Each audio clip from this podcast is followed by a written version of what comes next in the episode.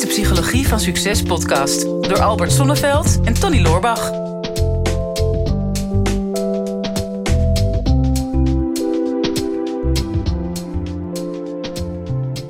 Albert, ik heb een vraag binnengekregen.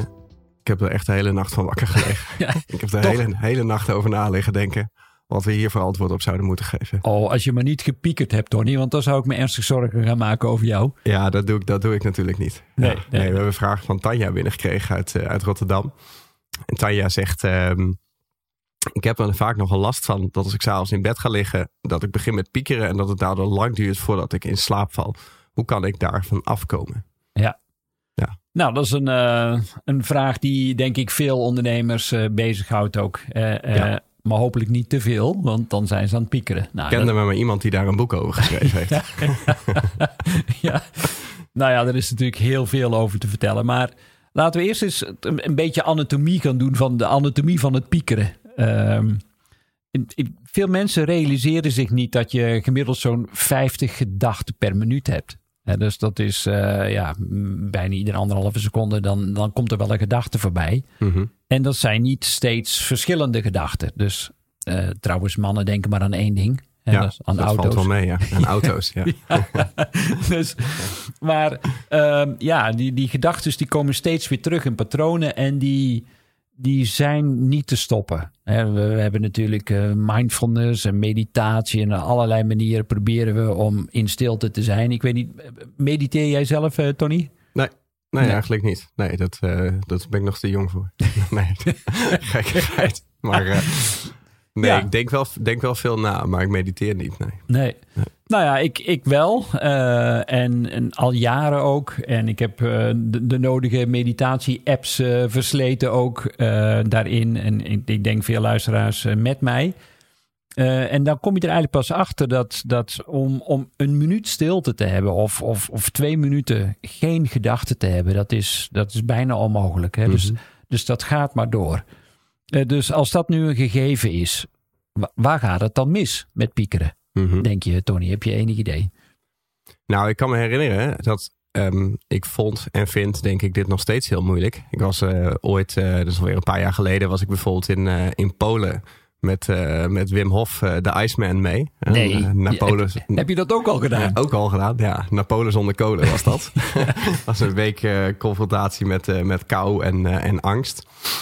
En, en daar zat ook een stukje meditatie in. Hè? Dus we deden elke ochtend deden we ademhalingsoefeningen en, en dat soort dingen om ons voor te bereiden. Om dan 's middags het koude water in te gaan en bergen op te lopen in onze korte broek zonder shirt. En, eh, en eh, om onze blote voeten in de brandnetels te gaan staan om uh, karate oefeningen te doen. En zo hebben we allemaal gedaan. Jee, man. Nou, daar moet je wel op voorbereid zijn. En een, stuk, een stukje daarbij was ook meditatie.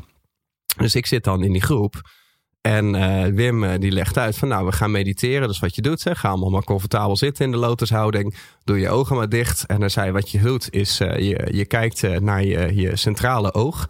Hè, dus eigenlijk je derde oog. Die zit dan zeg maar op je voorhoofd. Eh, Ja. Om het maar even een beetje simpel te houden. Daar kijk je dan naartoe of daar focus je op, zei hij. En ehm, ja, je stopt, stopt met denken. En dat, dat was dan mediteren. En eh, nou, iedereen deed dat dan. En, ja, prima. En eh, op een gegeven moment eh, zegt hij ook in de groep van... Nou, zien jullie allemaal wat er gebeurt? Hè? Zien jullie allemaal de kleuren en zo? En, en iedereen zag dat. Hè? Iedereen had zoiets, ja, oh, mooie kleuren, regenboogkleuren. En ik had zoiets, ja, ik zie echt helemaal niks. Ik zie alleen maar zwart. En er gebeurt, en er gebeurt ook helemaal niks. Dus ja, ik was helemaal gefrustreerd. Dus ik vroeg ook aan Wim van, ja, maar... Wim, ik snap het niet. Leg het, leg het nou nog eens een keer uit. Hij zei, ja, maar het is niet iets wat je uit kan leggen. Je, je doet dit gewoon. Hmm. Of, of je doet het niet. Ja. Ik zei, ja, maar ik zei, jij kijkt, dus je zegt, oké, je zegt, kijk naar je centrale oog. Zeg, moet ik daar dan fysiek naartoe kijken, binnen in mijn hoofd? Of moet ik me dat inbeelden? Of waar zit het? Moet ik dat nou op mijn neus focussen, op mijn voorhoofd? En zegt hij, zegt, jij denkt veel te veel. Ja. Ja, ik zei, oké, nou goed. Ik zei, hoe kan ik stoppen met denken? Ja. Ja. En, en zei hij, hij zei, ja, je moet gewoon niet zoveel denken. Hmm. En dan denk ik, ja, maar hoe, hoe stop je nou met denken? Want dat is het principe van denk niet aan een roze olifant. Weet Ja. je, dan, dan, dan kan je alleen maar aan een roze olifant denken. Dan staat die eh, levensgroot voor je. Dus nou ja, je Ja, hebt het is heel frustrerend dit. je, je hebt het, je hebt het eh, sowieso in je eigen leven ook ervaren. En dit zal waarschijnlijk ook heel herkenbaar zijn bij heel veel mensen. Dus het is sowieso lastig om te stoppen met denken. Maar wat je wel kunt doen, is je bewust te worden van je eigen gedachten. En daar kun je wel invloed op uitoefenen. Mhm. Nou, een van de dingen die ik eh, sowieso adviseer aan mensen als ze veel hardnekkig piekeren. eh, meestal wordt dat gevoed door angst. Hè? Dus, eh oh jee, kan ik mijn rekeningen wel betalen? Of hoe ga ik met die medewerker om? Of hoe ga ik nieuwe business creëren? En dan kan dat blijven malen in je hoofd. Zonder dat je tot een oplossing komt. Mhm. Want wat ik altijd zeg is, je kunt jezelf niet aan je eigen haar uit het moeras trekken. Dus Ja, je kunt- geniaal. ja, dus je, het, is, het is onmogelijk om buiten je eigen bewustzijn te gaan denken. Dus op het moment dat je merkt, en dat doe je vaak eh, met het bijhouden van een dagboekje. Dat je bijvoorbeeld, eh, als je in het geval van Tanja, dat ze moeilijk kan slapen, is ga nu eens een week lang of een maand lang, iedere avond voordat je gaat slapen, in ieder geval opschrijven wat nou die belangrijkste gedachten zijn. En dan ga je al zien dat er bepaalde patronen in zitten Mhm. dat is al de eerste stap richting bewustwording. Dat je denkt, jee, ik maak me toch wel heel erg veel zorgen over mijn schoonmoeder of over de business of wat dan ook. Mhm. De tweede wat ik dan vaak adviseer is zeggen van ja, maar ehm, kijk eens of je een piekerkwartiertje kunt gaan organiseren. en een piekerkwartiertje, dat vind ik eh, ja, een briljante uitvinding, want ehm, dan spreek je met jezelf af, bijvoorbeeld smiddags om vier uur ga je vol piekeren. Maar dan ook echt, haal er alles uit wat eruit te halen valt. Ja, kwart voor vier dan. Want vier uur is kuppensoep. Ja, ja, dan alle gedachten in de soep natuurlijk. maar, maar goed, kwart voor vier. Van kwart voor vier tot vier uur ga je je helemaal suf piekeren. Over dat onderwerp wat je inmiddels in kaart hebt gebracht. Maar is het vijf over vier en je kuppensoep is op, dan zul je merken, denk je, ja, maar dan komen toch die gedachten weer terug. Mhm. En dan is er een deel in jou wat dat opmerkt van hé, hey, ik ben meer aan het piekeren over datzelfde onderwerp. En je mag ook twee piekermomenten hebben, bijvoorbeeld ook nog een keer om kwart voor acht, s'avonds. En dan kun je op dat moment tegen je gedachten zeggen, ik maak er altijd een persoon van in de vorm van een innerlijke criticus. Mhm. Hè, dus het is heel mooi om het tastbaar, voor je, tastbaar te maken voor jezelf. Is dat je eh, tegen die innerlijke criticus zegt: Goh, luister, het is leuk dat je je zoveel zorgen maakt. En fijn dat je bezorgd bent over mij. En fijn dat je me wilt beschermen tegen grotere eh, rampspoed. Mhm. Maar ehm, weet je wat? We hebben een afspraak vanavond om kwart voor acht. Dan mag je al je zorgen uiten naar mij. Ga weer helemaal los. Ehm, en je mag zelfs overdrijven. En je mag zelfs de meest grote rampscenario's bedenken die je maar wil bedenken.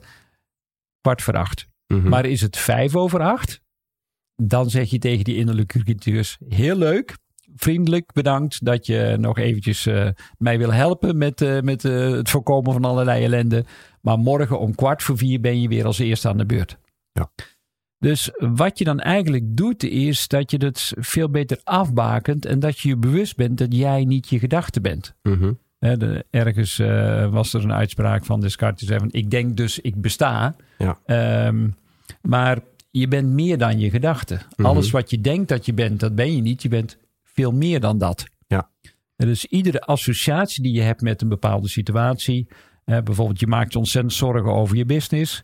Maar ondertussen ben je ook nog partner. Of je bent ook nog vriend. Of je bent ook nog eh, een broer of een zus. Of eh, kortom, er zijn er veel meer delen eh, waar je uit bestaat. Mhm. En het enige wat er met piekeren gebeurt, is dat je extreem gaat focussen. Daar heb je het weer. Ja. focussen op één gebied wat dan mogelijk niet optimaal in balans zou zijn. Ja. ja, we hebben het grapje wel eens gemaakt. Hè? Van ik ben een narcist, maar ik ben meer dan dat.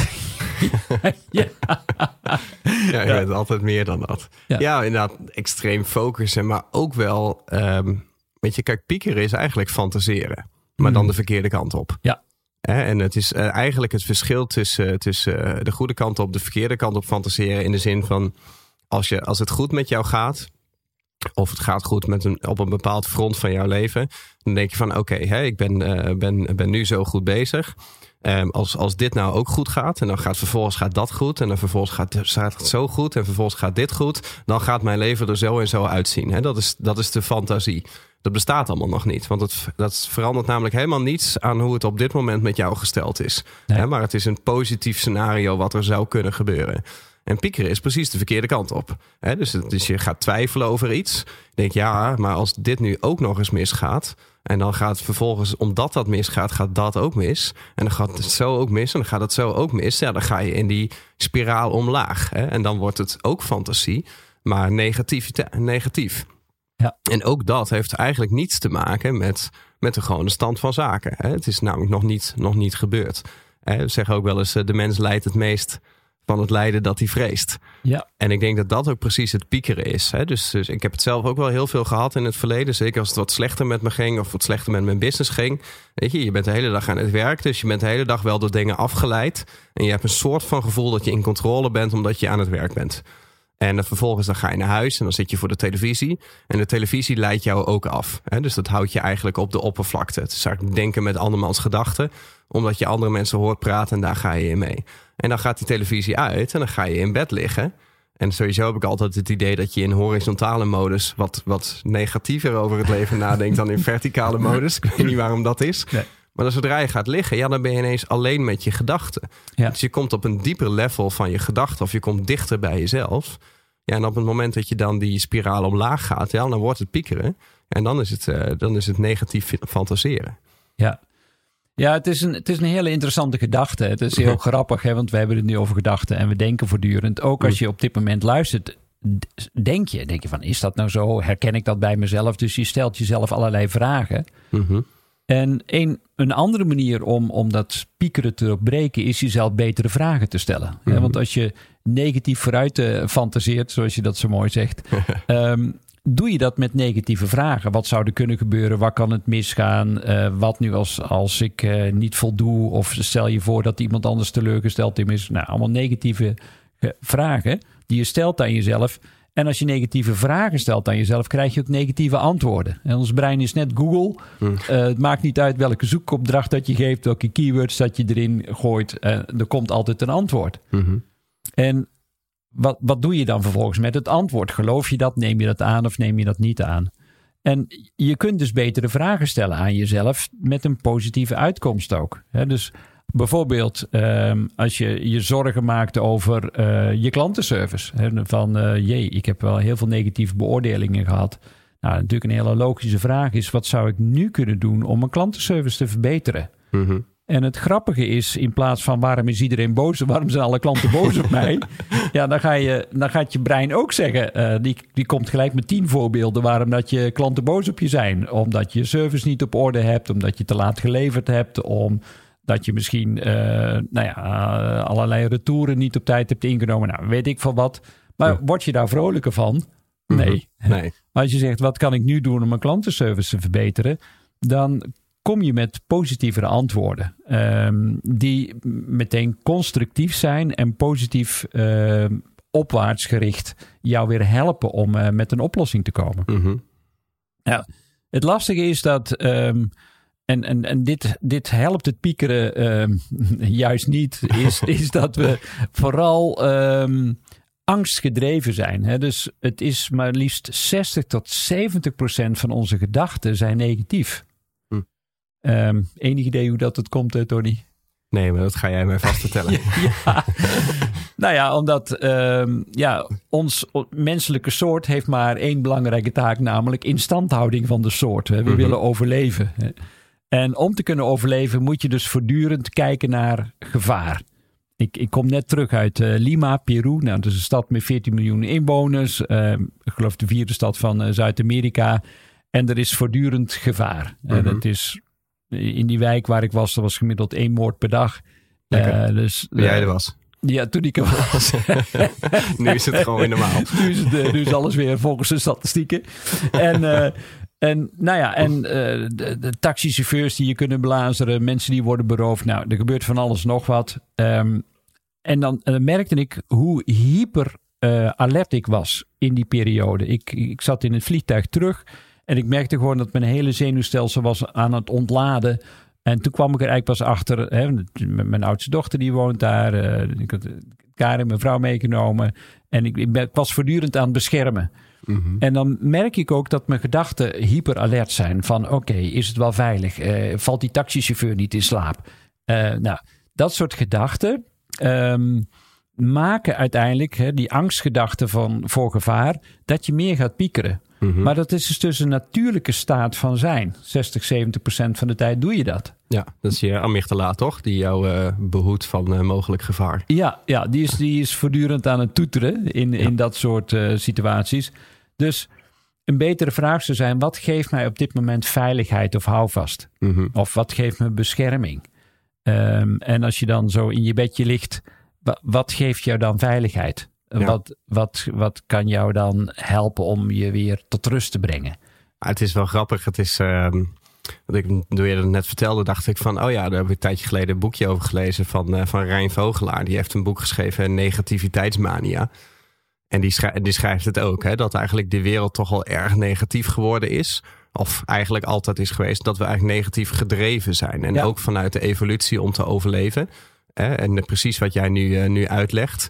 Maar hij zegt dan, weet je, dat is gewoon hoe wij, hoe wij gebouwd zijn. Ja. En ons systeem is nog voor eh, 99,99% hetzelfde als, eh, laten we zeggen, 5000 jaar geleden. Toen we daar iets aan hadden. Maar in de huidige maatschappij is natuurlijk is er helemaal niet meer zoveel gevaar. Nee. Maar ons systeem is nog hetzelfde. Ze zei, je ziet gewoon als je naar het journaal kijkt, het zijn alleen maar negatieve dingen. Hè? Dus het zijn allemaal, het is allemaal mogelijk gevaar. En dan zei hij ook van, eh, hij had er een onderzoekje bij gehaald. eh, wat ze in Nederland hadden gedaan om mensen op straat te gaan vragen van nou hè, hoe goed gaat het eigenlijk met het land?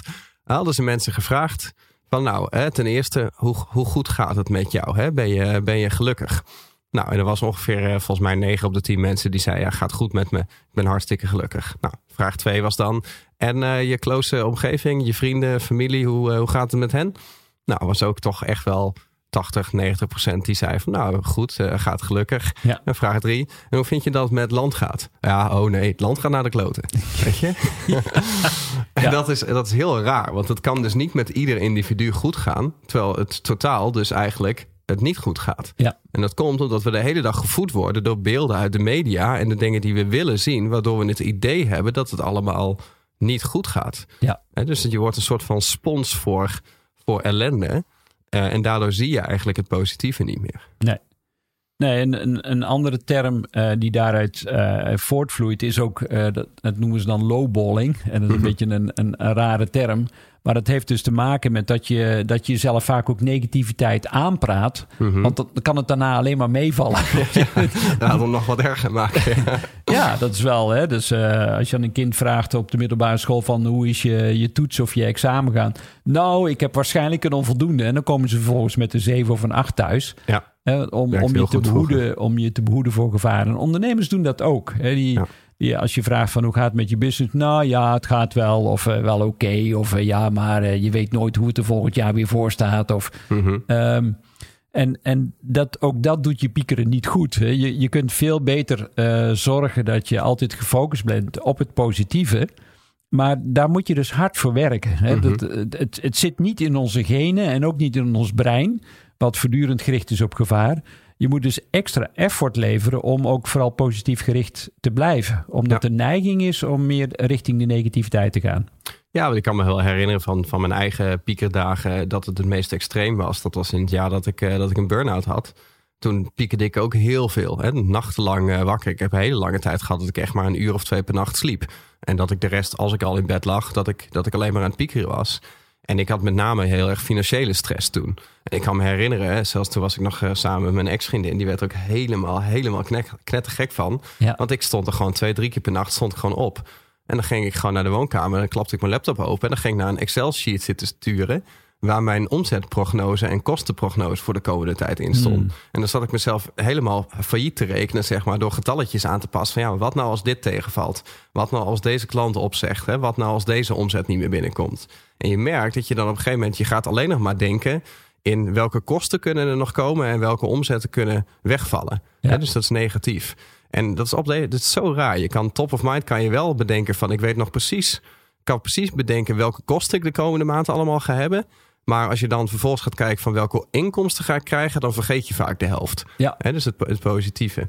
En, en dat, dat zit echt een beetje in die spiraal. En ik denk dat het omslagpunt tussen, tussen eh, piekeren en fantaseren, hè, dus de goede kant op, zit hem eigenlijk in progressie. Ja. dus zodra je weer in progressie denkt, dan, dan gaat het eigenlijk de fantaseren de goede kant op. En zodra je in regressie denkt, dan gaat fantaseren de verkeerde kant op.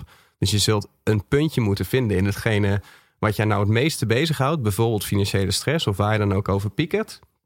Om gewoon eens te kijken naar, oké, waar kan ik nu op inzoomen wat positief is. Wat het eigenlijk alweer ietsje beter heeft gemaakt dan gisteren of vorige week of vorige maand. Ja, Ja. En, en die successen ook vieren. hè. Vandaar ook de titel van de podcast, Psychologie van Succes. Dat je dat ook regelmatig viert, dat dat een goed gevoel geeft. En daarmee doorbreek je de prikkel. Ja, lijkt mij een prachtige afronding. Dit is de Psychologie van Succes podcast door Albert Sonneveld en Tony Loorbach. Ja, beste luisteraars, dat was hem alweer voor vandaag. Weer een aflevering voorbij van eh, de psychologie van succes. Ik hoop dat je het waardevol hebt gevonden en ehm, wat je ons dat ook zou willen laten weten. Eh, mocht je nog niet geabonneerd zijn op onze podcast, doe dat dan even. En wat we heel erg tof zouden vinden, is als je ook even een review zou willen achterlaten. We vinden het natuurlijk heel leuk om te horen van jou wat je van de podcast vond, welke inzichten je eruit hebt gehaald. En om dat natuurlijk in de review-sectie terug te gaan lezen. Heb je nou een vraag en je zou graag met jouw vraag in de uitzending willen komen? Stel hem dan op eh, de social media. Onze kanalen zijn vooral LinkedIn en natuurlijk Instagram. De beste vragen pakken we eruit en grote kans dat je dan terugkomt in deze podcast.